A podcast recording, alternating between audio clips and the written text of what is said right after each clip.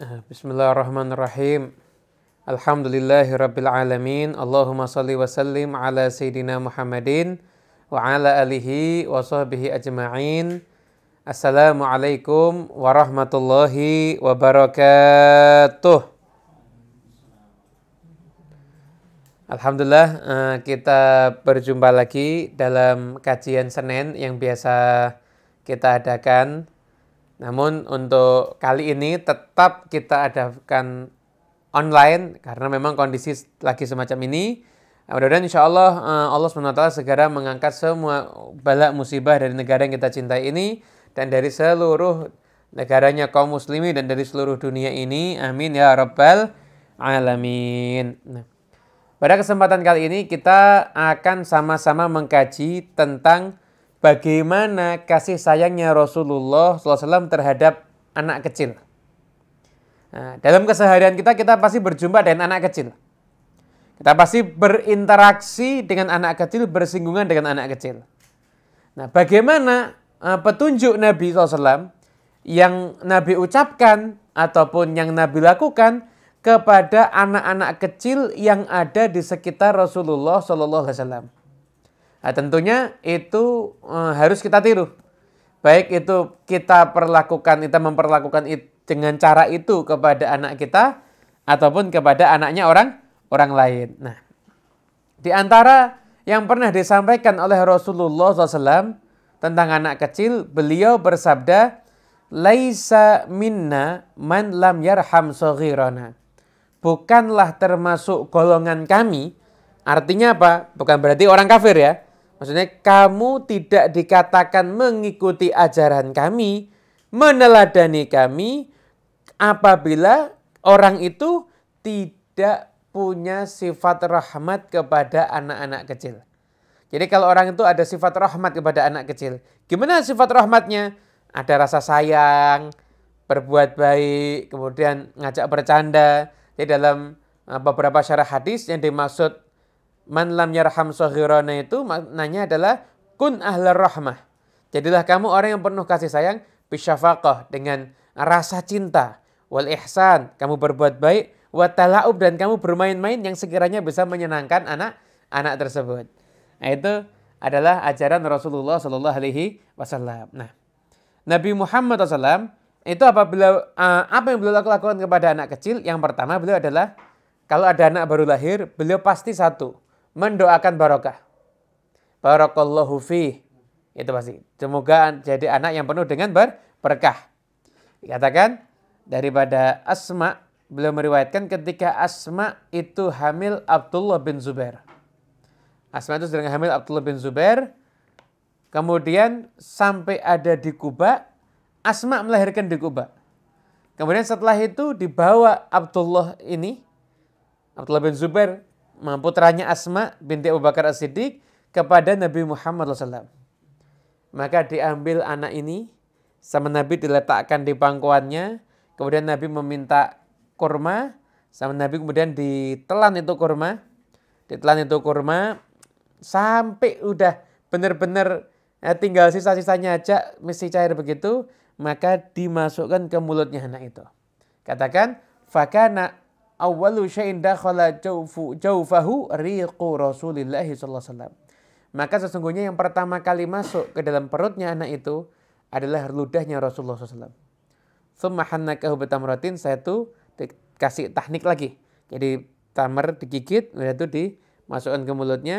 Kemudian setelah itu Rasulullah SAW mendoakan dan apa mengharapkan keberkahan kepada anak itu. Maka dikatakan wakana awalu mauludin ulida fil Islam. Wa kana awwala mauludin wulida fil Islam. Abdullah itu adalah anak yang pertama kali lahir dalam sejarah Islam. Maksudnya apa? Ketika sudah ke Madinah setelah hij hijrah. Dan ketika lahirnya Abdullah bin Zubair itu, kaum muslimin senangnya luar biasa. Jadi ketika Rasulullah SAW itu masuk ke kota Madinah, orang-orang Yahudi ngancam. Saya sudah kerahkan ilmu sihir, yang menjadikan anak-anak perempuan kalian nggak akan bisa hamil apalagi sampai melahirkan. Ternyata lahirlah Abdullah bin Zubair. Hingga akhirnya senang sekali kaum muslimin yang menunjukkan apa? Sihirnya orang-orang Yahudi ternyata nggak ngaruh itu. untuk anak-anak kaum mus muslimin. Nah itu jadi Rasulullah SAW itu biasa begitu. Ada anak kecil taruh di pangkuannya, ambil kurma, itu digigit, dimasukkan ke mulutnya, didoakan, diharapkan keberkahannya begitu. Kemudian juga ah, dikisahkan pula, nah riwayat yang berikutnya dari Anas bin Malik. Anas bin Malik ini putra dari Ummu Sulaim. Ummu Sulaim itu seorang wanita di Madinah yang luar biasa. Pecinta Nabi luar biasa. Bahkan ketika beliau memilih untuk masuk Islam ditinggalkan oleh suaminya Malik bin Nador nah, bapaknya Anas berarti ya ditinggalkan oleh suaminya ya Anda bayangkan ketika itu sahabat perjuangan luar biasa loh. Demi mengikuti Nabi sampai harus kehilangan pasangan hidupnya. Dan itu mereka lalui demi Nabi Muhammad. Suaminya udah dia kenal lama. Nabi Muhammad baru kenal sebentar dia. Tapi cahaya iman apabila sudah masuk dalam hati maka hati yang terpilih untuk mendapatkan cahaya iman akan berkembang di situ cahaya mahabbah kepada Nabi Muhammad SAW yang akhirnya lebih mementingkan Nabi dibandingkan apa pun juga dan itu adalah tanda keberuntungan. Di beruntungnya Ummu Sulaim ketika dia lebih memilih Nabi Muhammad dibandingkan suaminya. Beruntungnya Ummu Sulaim ketika lebih memilih menghadiahkan anaknya Anas bin Malik dibandingkan anak itu meneman, menemaninya. Masya Allah Ummu Sulaim. Ummu Sulaim akhirnya dinikahi oleh Abu Talhah. Abu Talhah Al-Ansari. Nah, nikah Abu Talhah Al-Ansari dan punya anak itu, itu punya anak. Uh, ada anak yang dinamakan julukannya Abu Umar. Kalau kita sering dengar hadis ya Abu Umar mafa'alan nughair itu anaknya Ummu Sulaim. Nah, punya anak. Suatu ketika anaknya sakit, Abu Talha pergi. Nah, ketika Abu Talha kembali, anaknya udah mati ternyata. Tapi Anda lihat hebatnya Ummu Sulaim. Dan ini adalah teladan untuk semua wanita. Ketika suaminya datang, Ummu Sulaim nggak langsung ngasih kabar, ini anak kamu mati. Enggak. Anda bayangin seorang wanita ditinggal mati anaknya. Apa yang dia lakukan? Dia menghibur suaminya. Dia siapkan makanan yang enak, bahkan dia berias yang cantik. Maaf malam itu akhirnya terjadi hubungan suami istri. Pagi hari Ummu Sulaim baru nanya. Ngasih perumpamaan yang luar biasa kalau seandainya ada orang terima titipan barang. Kalau barangnya itu diambil, orang itu boleh marah nggak? Ya nggak boleh. Nah, tadi malam kan kamu nanya nih, Abdullah kan nanya, mana anak kita? Dia jawab, anak kita lebih tenang dibandingkan kemarin. Benar, sudah mati soalnya lebih tenang. Kata Abdullah, ya Allah, anak kita mana? Kemarin sudah meninggal dunia. Berarti saya tadi malam hubungan dengan kamu dalam keadaan saya itu sedang anaknya mati. Dan kita berhubungan suami istri. Marah-marah betul. Mendatangi Nabi Muhammad SAW. Datang cerita sama Nabi, ini musuhnya begini, begini, dan lain sebagainya. Ngeluh sama Nabi. Nabi pertanyaannya, ya simpel. Tadi malam hubungan suami istri ya? Iya, ya udah semoga ada berkah dari hubungan yang semalam. Soalnya dari hubungan itu, akhirnya hamil, kemudian lahirlah seorang putra lahirlah seorang putra. Begitu putra itu lahir, maka ketika itu Anas bin Malik diperintahkan Muslim bawa ke Nabi Muhammad. Ketika dibawa kepada Rasulullah SAW, maka diambil sama Nabi. Nabi tanya, ada kurma nggak? Anas sudah persiapan kurma, karena udah dibawain sama ibunya. Diambil kurma tersebut, setelah itu kemudian digigit ini, kurmanya sampai ada ludah Nabi, dan dimasukkan ke mulutnya anak itu. Dan anak itu berusaha ngunyah-ngunyah begitu. Nah, itu kelihatan anak itu senang sama kurma itu. Sampai Nabi mengatakan, memang orang Ansor ini senangnya sama tamar ini. Senangnya sama kur, kurma. Tentu Nabi Muhammad SAW memberikan nama kepada anak itu Abdullah. Kasih nama Abdullah hambanya Allah. Kata Anas bin Malik, subhanallah ini ya, barokahnya. Barokah seorang ibu yang sabar. Barokah dari hubungan yang didoakan keberkahan oleh Nabi Muhammad. Barokah dari bayi yang ditahnik sama Nabi maka dikatakan di dalam kitab Al-Isti'ab tentang uh, biografinya para sahabat, Anas bin Malik mengomentari adiknya mengatakan apa? Saya tidak berjumpa di Ansor ini pemuda yang lebih hebat dibandingkan Abdullah bin Abi Talha. Bahkan Sufyan bin Uyainah mengatakan, Abdullah itu punya 10 anak laki-laki, semuanya hafal Quran. Kalau ada anak hafal Quran yang hebat, anaknya atau orang tuanya? Kenapa rahasianya kok ketika anak hafal Quran, kemudian yang dapat mahkota kok orang tuanya? Kenapa? Karena tidak mungkin anak itu hafal Quran kecuali itu pasti ada jasa orang orang tuanya. Kenapa? Orang tua yang memotivasi, orang tua yang menyiapkan segalanya agar anak itu mau menghafalkan ayat suci Al-Quran. Makanya orang tua yang dapat kebanggaan. 10 anak hafal Quran di zaman itu. Ketika ngafalkan waktu itu nggak gampang loh ya. Kan nggak semua orang punya mushaf. Jadi ngafalkan itu mungkin harus hanya de dengar. Tapi faktanya 10 anak. Kenapa? Ada keberkahan Nabi Muhammad Sallallahu Alaihi Wasallam. Mudah-mudahan anak kita semuanya berkah semuanya, insya Allah ya. Dapat berkahnya Rasulullah Sallallahu Alaihi Wasallam. Habib ini kalau tahnik pakai apa? Ya pakai kurma. Pakai kurma. Kalau nggak ada kurma, Habib, madu boleh. Madu boleh. Habib kalau mau saya tahnik pakai durian gimana? Ya Allah alam ya itu. Ya, nanti ada yang teknik pakai sate, teknik pakai burger, teknik pakai ayam bakar kan bahaya nanti. Ini saya teknik pakai nasi mandi gitu. Ada anaknya suka mandi takutnya. Ini itu bercanda biar nggak ngantuk ya. Jadi teknik itu ya pakai ya kurma atau madu lah. Normalnya begitu. Jangan teknik pakai duren. Itu nanti anaknya gede, kepalanya kayak duren nanti takutnya. Kemudian setelah itu Rasulullah SAW itu jadi uh, yang beliau lakukan ketika berjumpa dengan anak kecil yang baru lahir, tahnik, mendoakan berkah, dan begitu juga dengan doa-doa kebaikan yang lah yang lainnya. Kemudian setelah itu Rasulullah SAW eh, di antara yang beliau lakukan ketika berjumpa dengan anak kecil adalah Rasulullah SAW itu suka ngajak bermain anak kecil. Nah, di antaranya Zainab Zainab putrinya Ummu Salamah. Ummu Salamah tahu nggak kita? Istrinya Rasulullah Shallallahu Alaihi Wasallam. Jadi Ummu Salamah itu wafat dan tinggal sama Abu Salamah. Ketika Abu Salamah itu meninggal dunia, sedih. Gimana istri ditinggal sama suaminya? Suaminya soleh lagi. Sedih.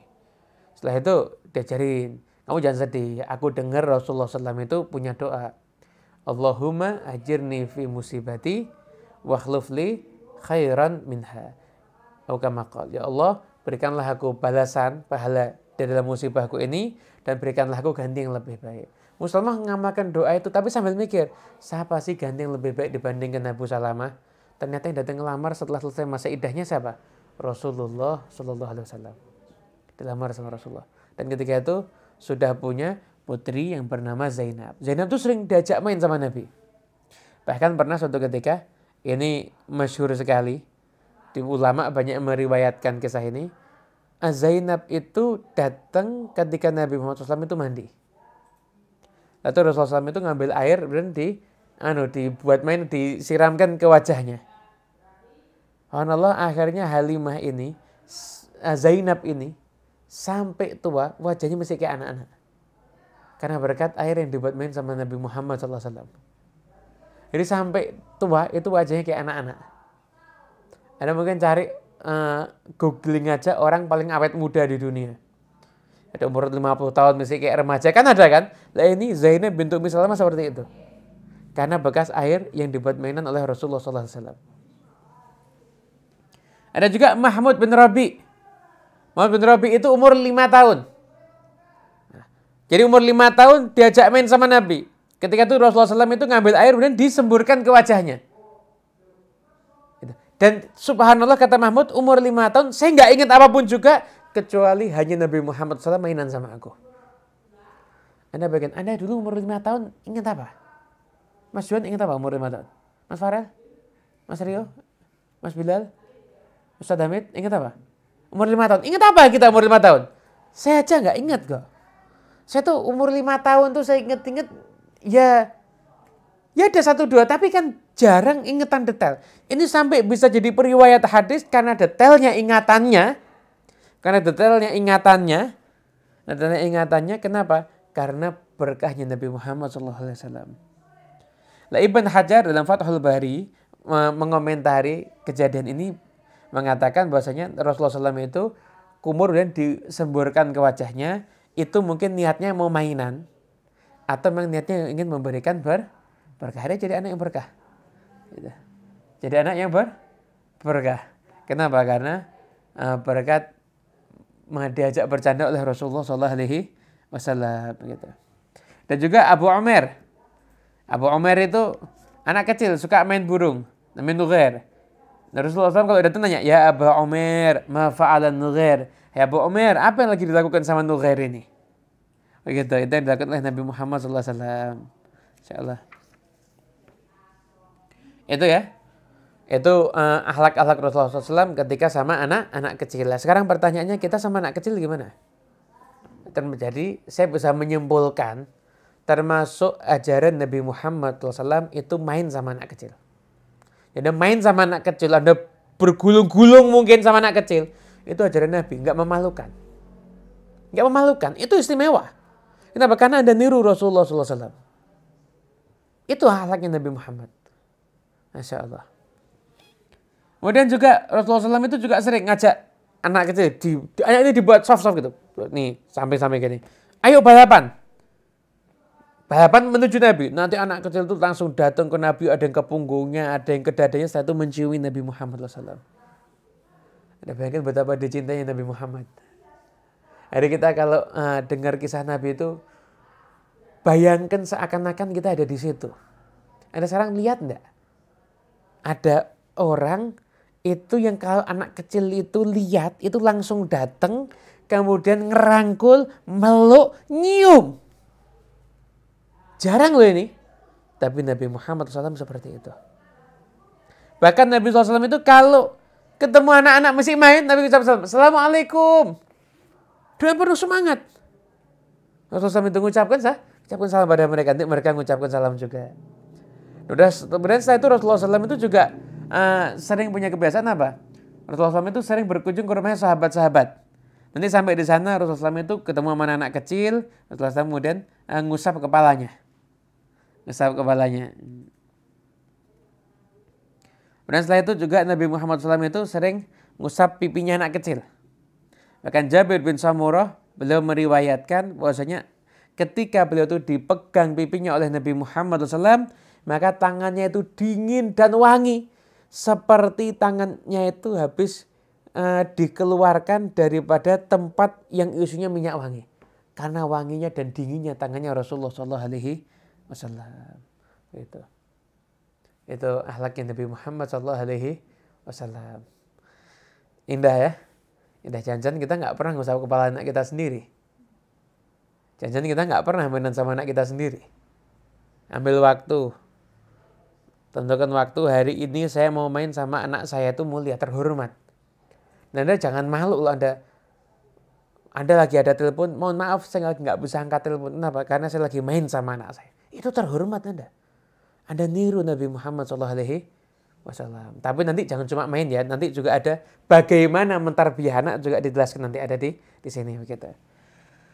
Muhammad, saya izin minum dulu ya.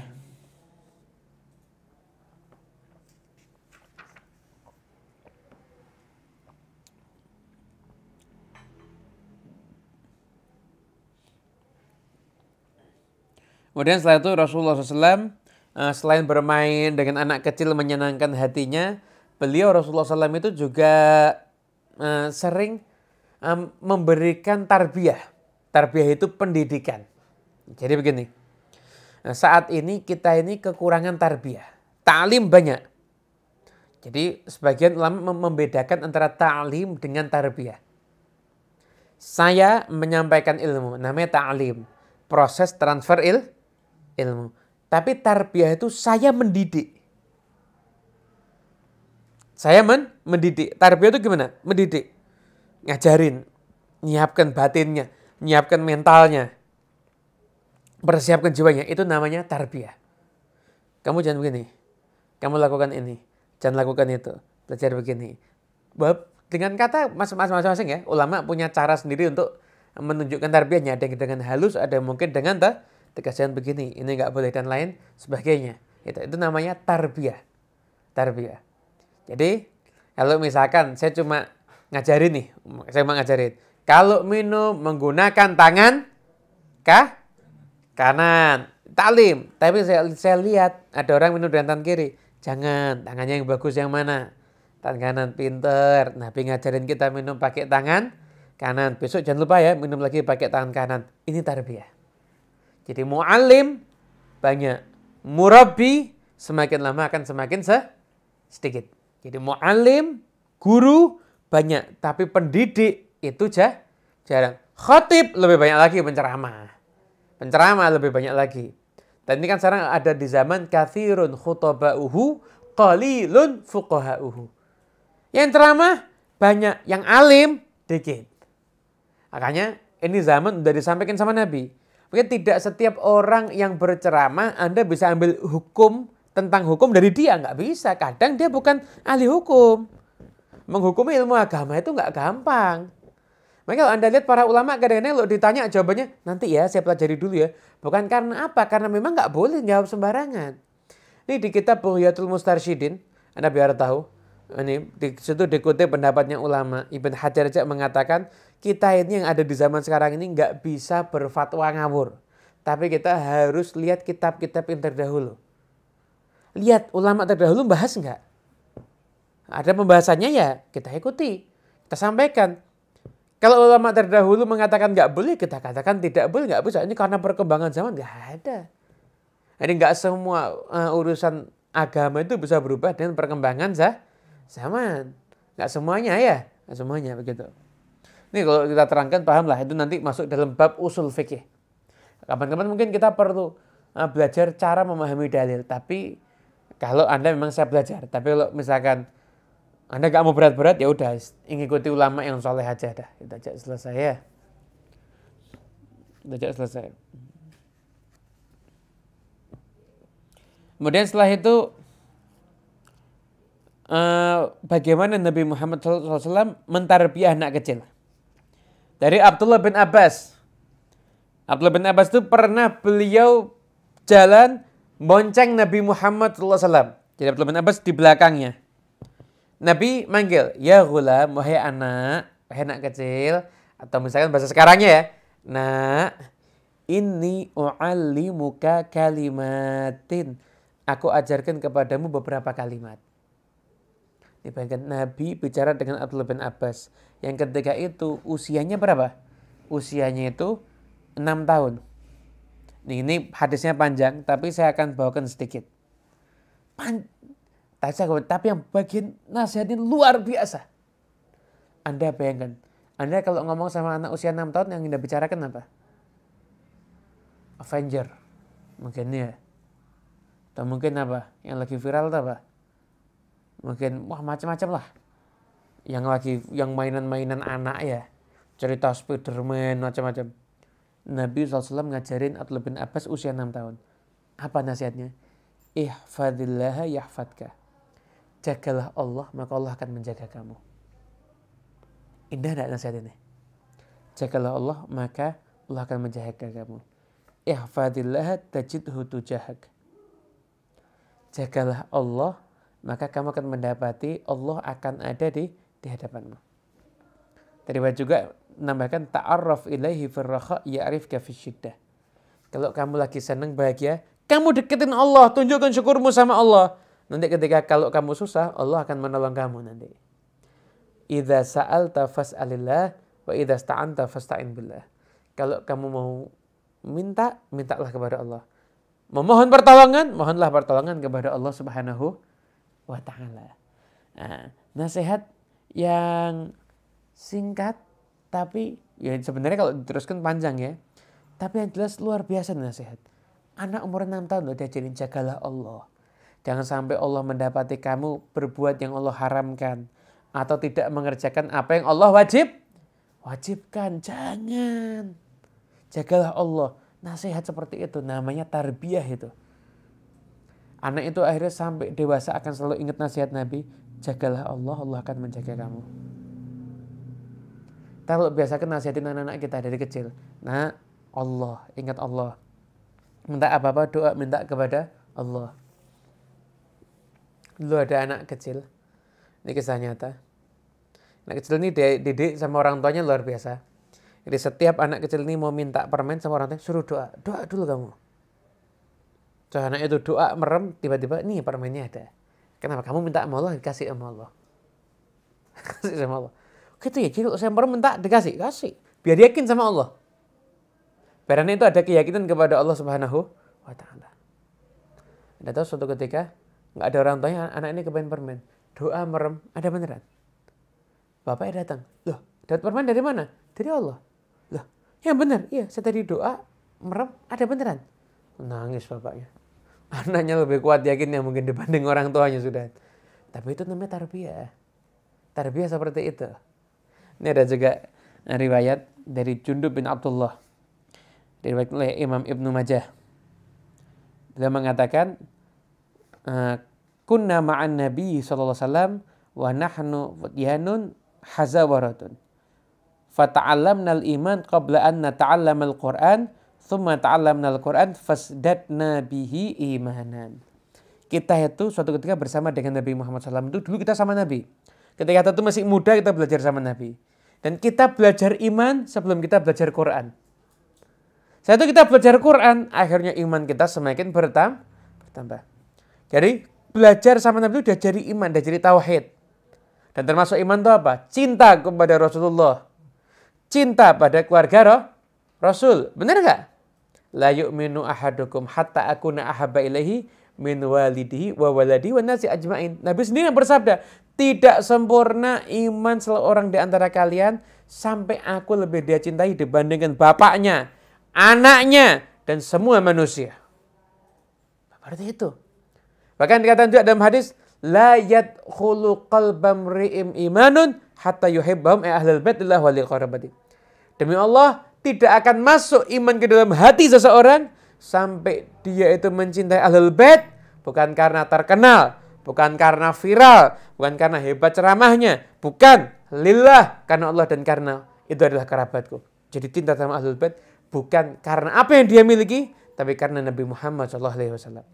Itu namanya iman. Kami belajar iman sebelum kami belajar Quran. Satu kami belajar Quran, iman kami semakin bertambah dengan Quran. Abdullah bin Mas'ud pernah meriwayatkan, nanti akhir zaman akan ada sekelompok kaum punya Quran tapi nggak punya iman. Coba baca Quran, siapa yang paling hebat bacanya? Cuma begitu aja. Tapi lah cinta sama Nabi, lah cinta sama keluarga Nabi, lah punya keyakinan kepada Allah. Gak ada. Dikatakan apa? Itu orang-orang seperti itu. Syiraru hadhil ummah. Um, golongan umat yang paling bu, buruk. Na'udzubillah min, min thalik. Bahaya itu.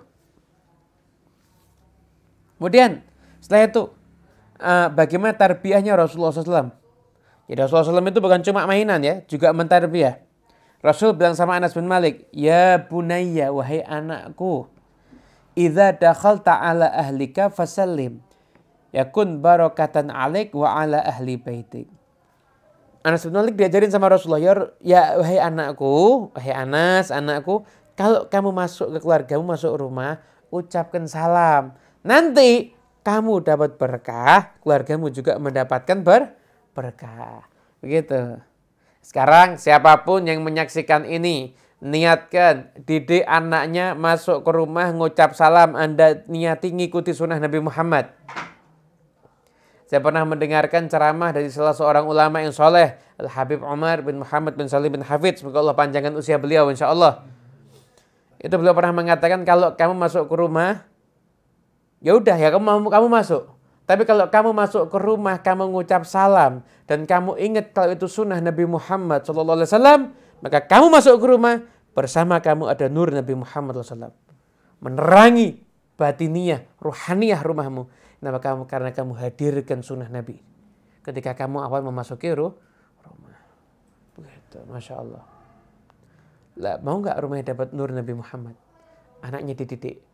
Masuk rumah nggak ngucap salam, suruh keluar lagi suruh ngucap salam. Biasakan dari sekarang. Tarbiyah ya. Yang cuma uh, belikan mainan, masya Allah, isi mainan komplit, tarbiyah nggak pernah. Nah, anak itu disuruh dididik, bukan dipelihara. Kalau anda punya kambing, anda pelihara, bukan anda didik. Tapi kalau anda punya anak, bukan anda, pelihara, anda kasih makan aja. Tapi juga harus anda di, anda didik, begitu. Juga Nabi Muhammad SAW mengajarin anak adab ketika makan. Umar bin Abi Salamah katakan aku ketika masih kecil aku sama Nabi aku makan sama Nabi. Itu aku makannya tuh ngambil ini ngambil itu kata Nabi ya gulam hai anak nak samillah. Bismillah dulu. Wakul biyaminik. Makan dengan tangan kanan. Wakul mimmayalik. Dan makanlah terhadap apa-apa yang ada di dekatmu. Kata tadi Umar bin Abi Salamah tadi, fama zalat tilka tu'mati ba'du. Setelah itu cara makanku ya seperti itu. Jadi mengikuti pendidikan yang diajarkan Nabi Muhammad SAW. Nah bahkan Nabi menyampaikan dengan penuh keikhlasan langsung berubah anak itu. Anak kecil itu kalau makan identik gimana? Rakus kan? Makan ini, makan itu, ini belum nambah lagi kan begitu?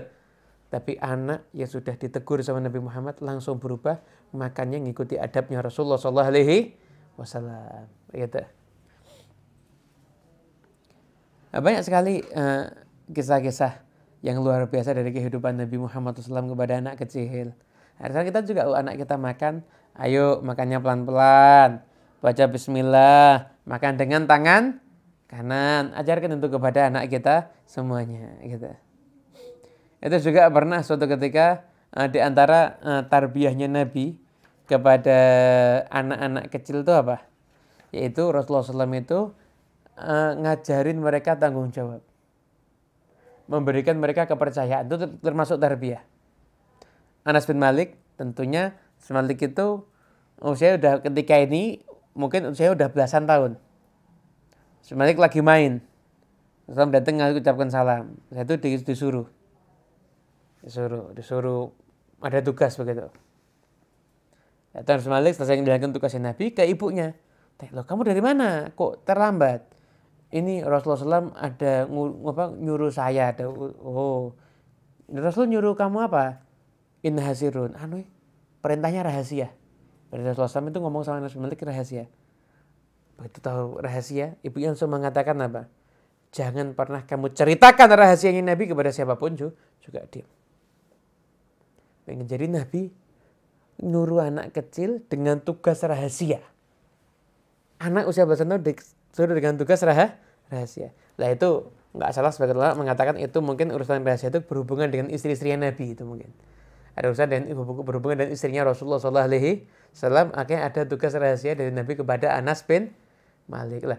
Yang perlu digaris bawah itu adalah bagaimana Nabi memberikan kepercayaan kepada Anas bin Malik untuk menjalankan tugas rahasia itu. Dan dipercaya. Ya, ini menjadi satu pelajaran bahwasanya anak kita di usia tertentu harus kita berikan kepercayaan. Dia bisa nggak megang rahasia? Bisa nggak menjalankan tugas yang penting? Artinya apa? Melatih tanggung jawab ah anak itu yang diajarkan oleh Nabi Muhammad Shallallahu Alaihi Wasallam. Gitu.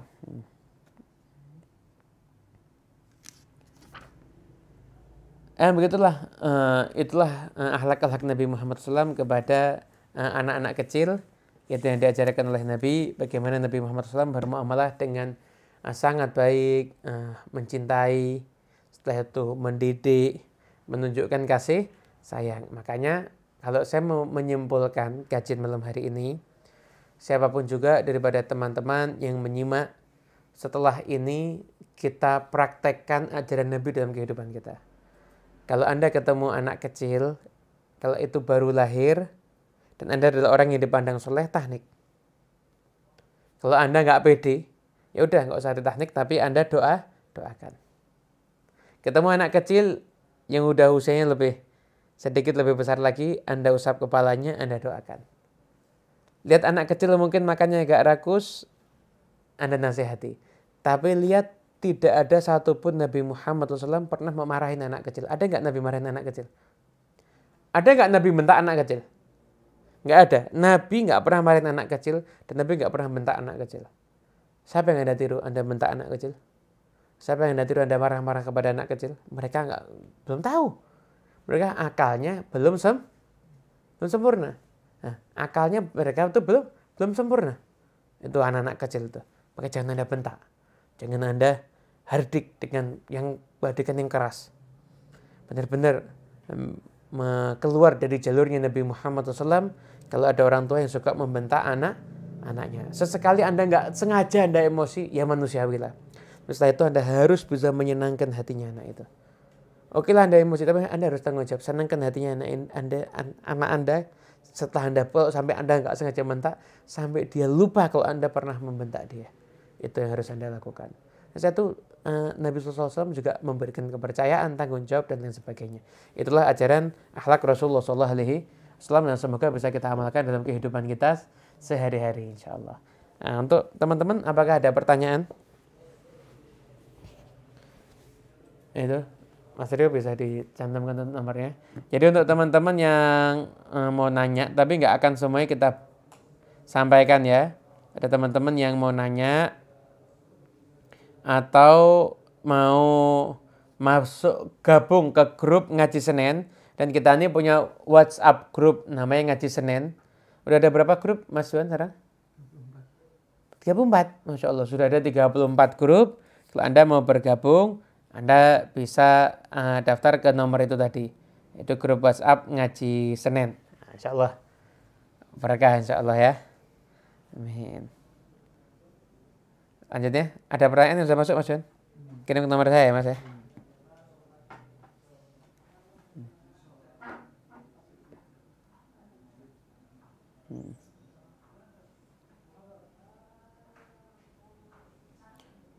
Iya. Hmm. Kemudian Assalamualaikum Beb dari Malang Jatim. Untuk penanya sebutkan nama daerah ya. Nama daerah. Hmm. Hmm. Bagaimana caranya biar punya anak soleh? Apa yang harus dilakukan oleh orang tua? Begini, kalau punya anak soleh, itu harapan semua orang. Dan kalau Anda kepengen punya anak soleh, itu diniatkan bahkan dari sebelum Anda berproses untuk usaha buat anak.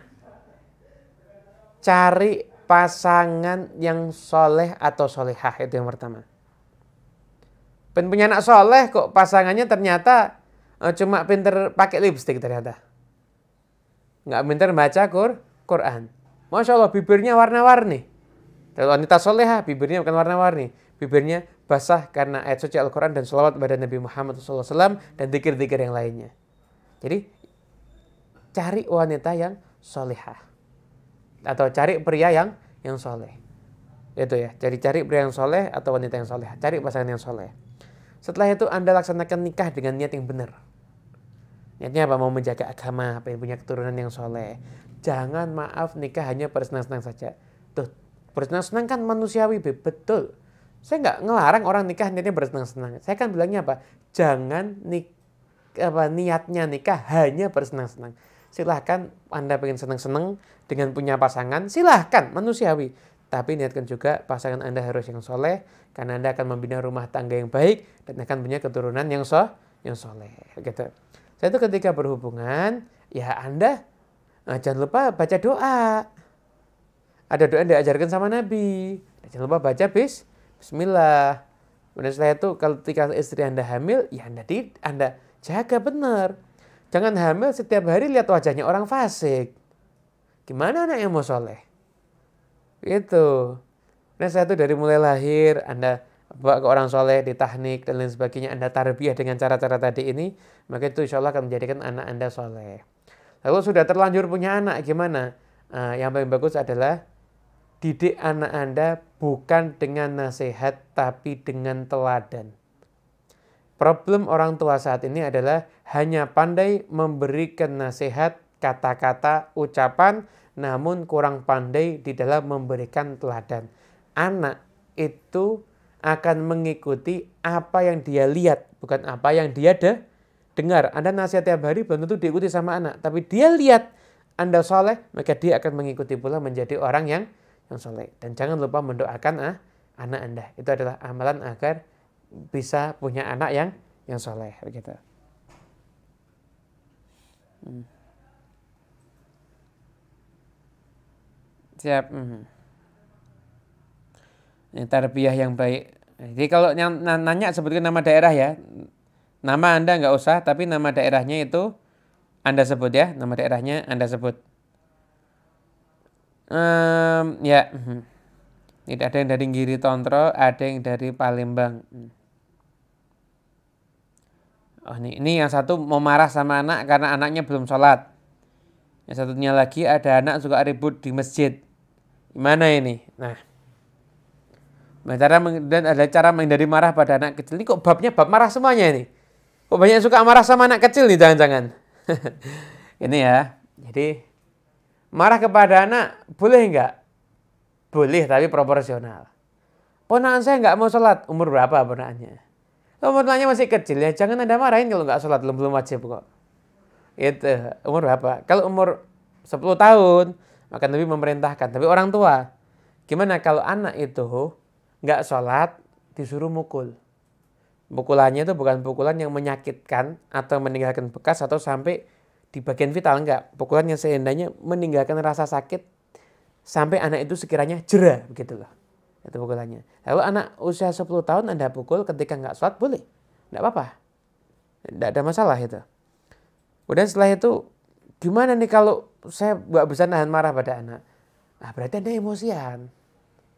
Anda emosi berarti Anda harus tahu setelah ini kasih kalau begini emosi. Kalau Anda emosi gimana? Kalau Anda emosinya duduk, Anda berdiri. Kalau berdiri Anda du, duduk. Kalau masih emosi Anda ambil air bu, wudhu. Itu aja. Itu solusi biar nggak gampang marah.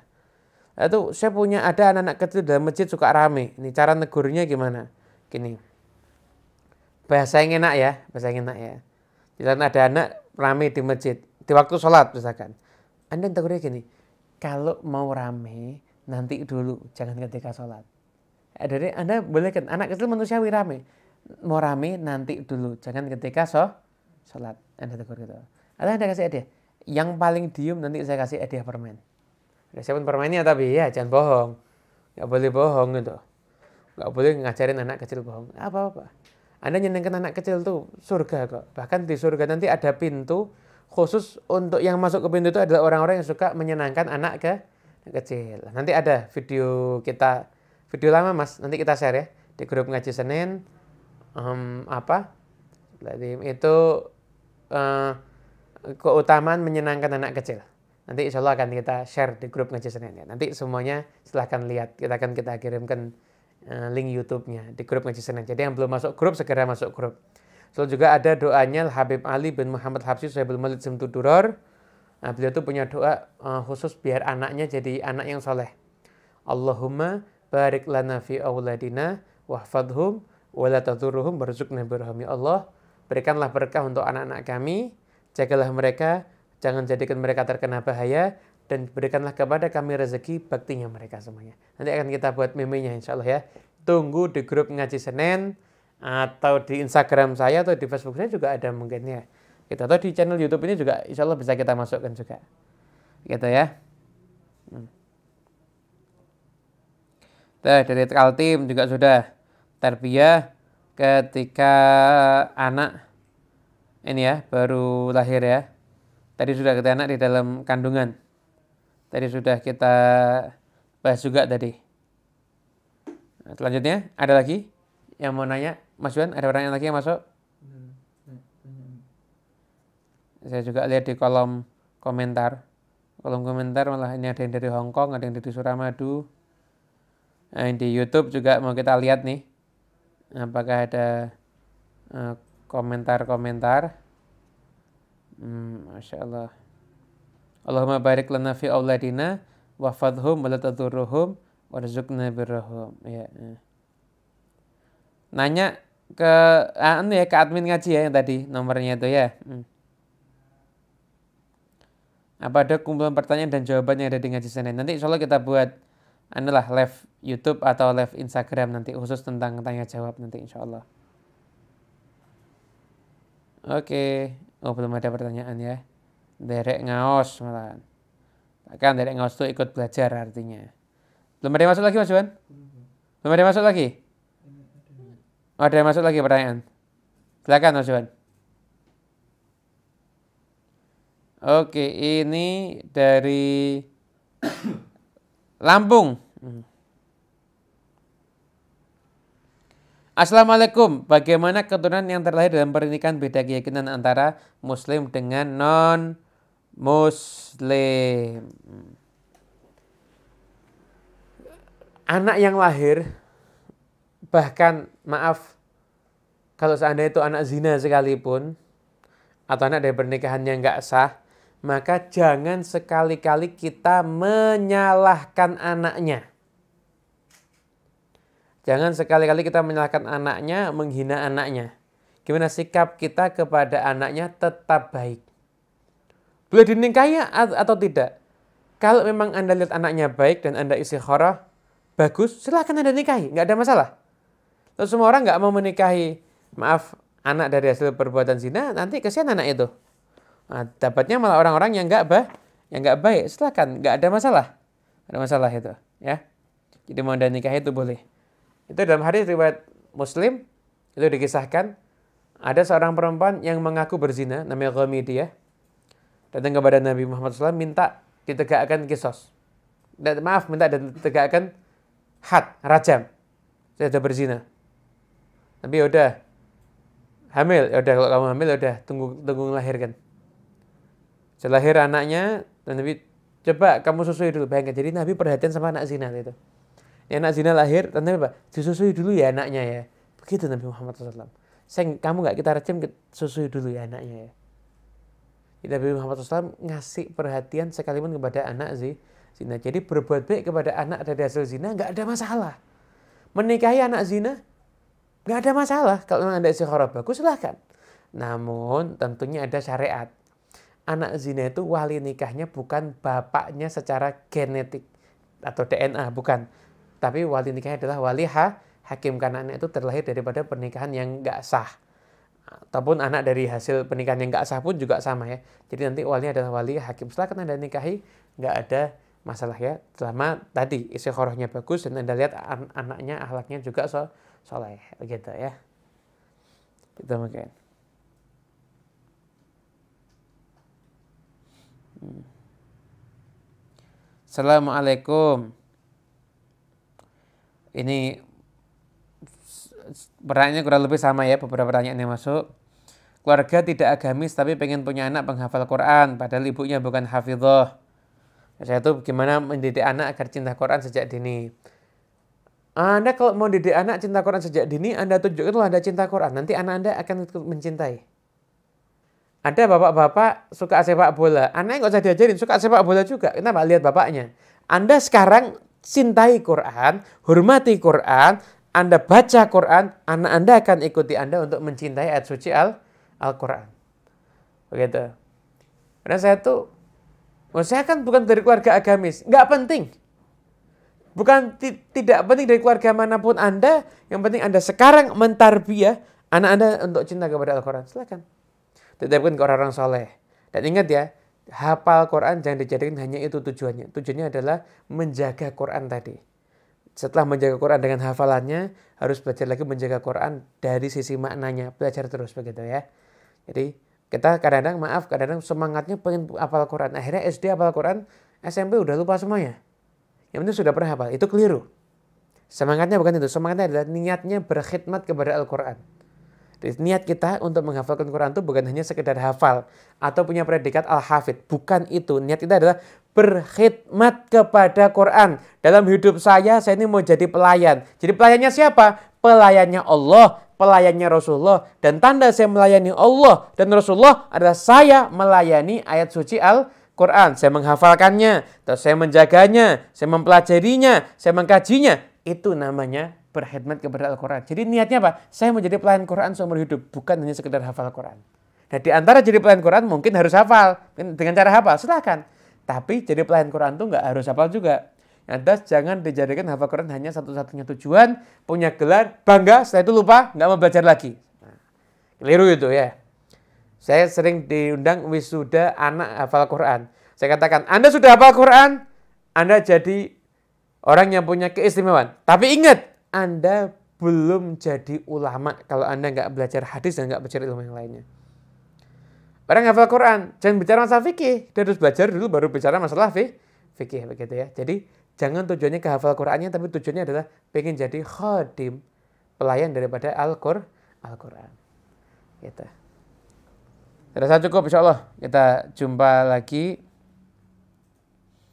Kita jumpa lagi di pertemuan yang berikutnya dalam keadaan yang lebih baik insya Allah. Terima kasih teman-teman sudah mau bergabung dan jangan lupa uh, gabung ke ngaji Senin ya, grup WhatsApp ngaji Senin. Nanti insya Allah akan banyak ilmu-ilmu yang di-share ada di sana mungkin. Wallahu a'lam bishawab. أن الله يفتح علينا ولكم فتوح العارفين وفكهنا يكون في الدين وعلمنا وإياكم التأويل واهدنا وإياكم إلى سواء السبيل. ربنا هب لنا من أزواجنا وذرياتنا قرة أعين واجعلنا للمتقين إماما. ربنا آتنا في الدنيا حسنة وفي الآخرة حسنة وقنا عذاب النار. وصلى الله رب العالمين بسر الفاتحة. Maliki bismillahirrahmanirrahim.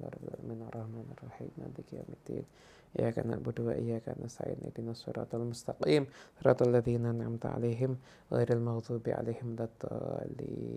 Amin amin Wassalamualaikum warahmatullahi wabarakatuh.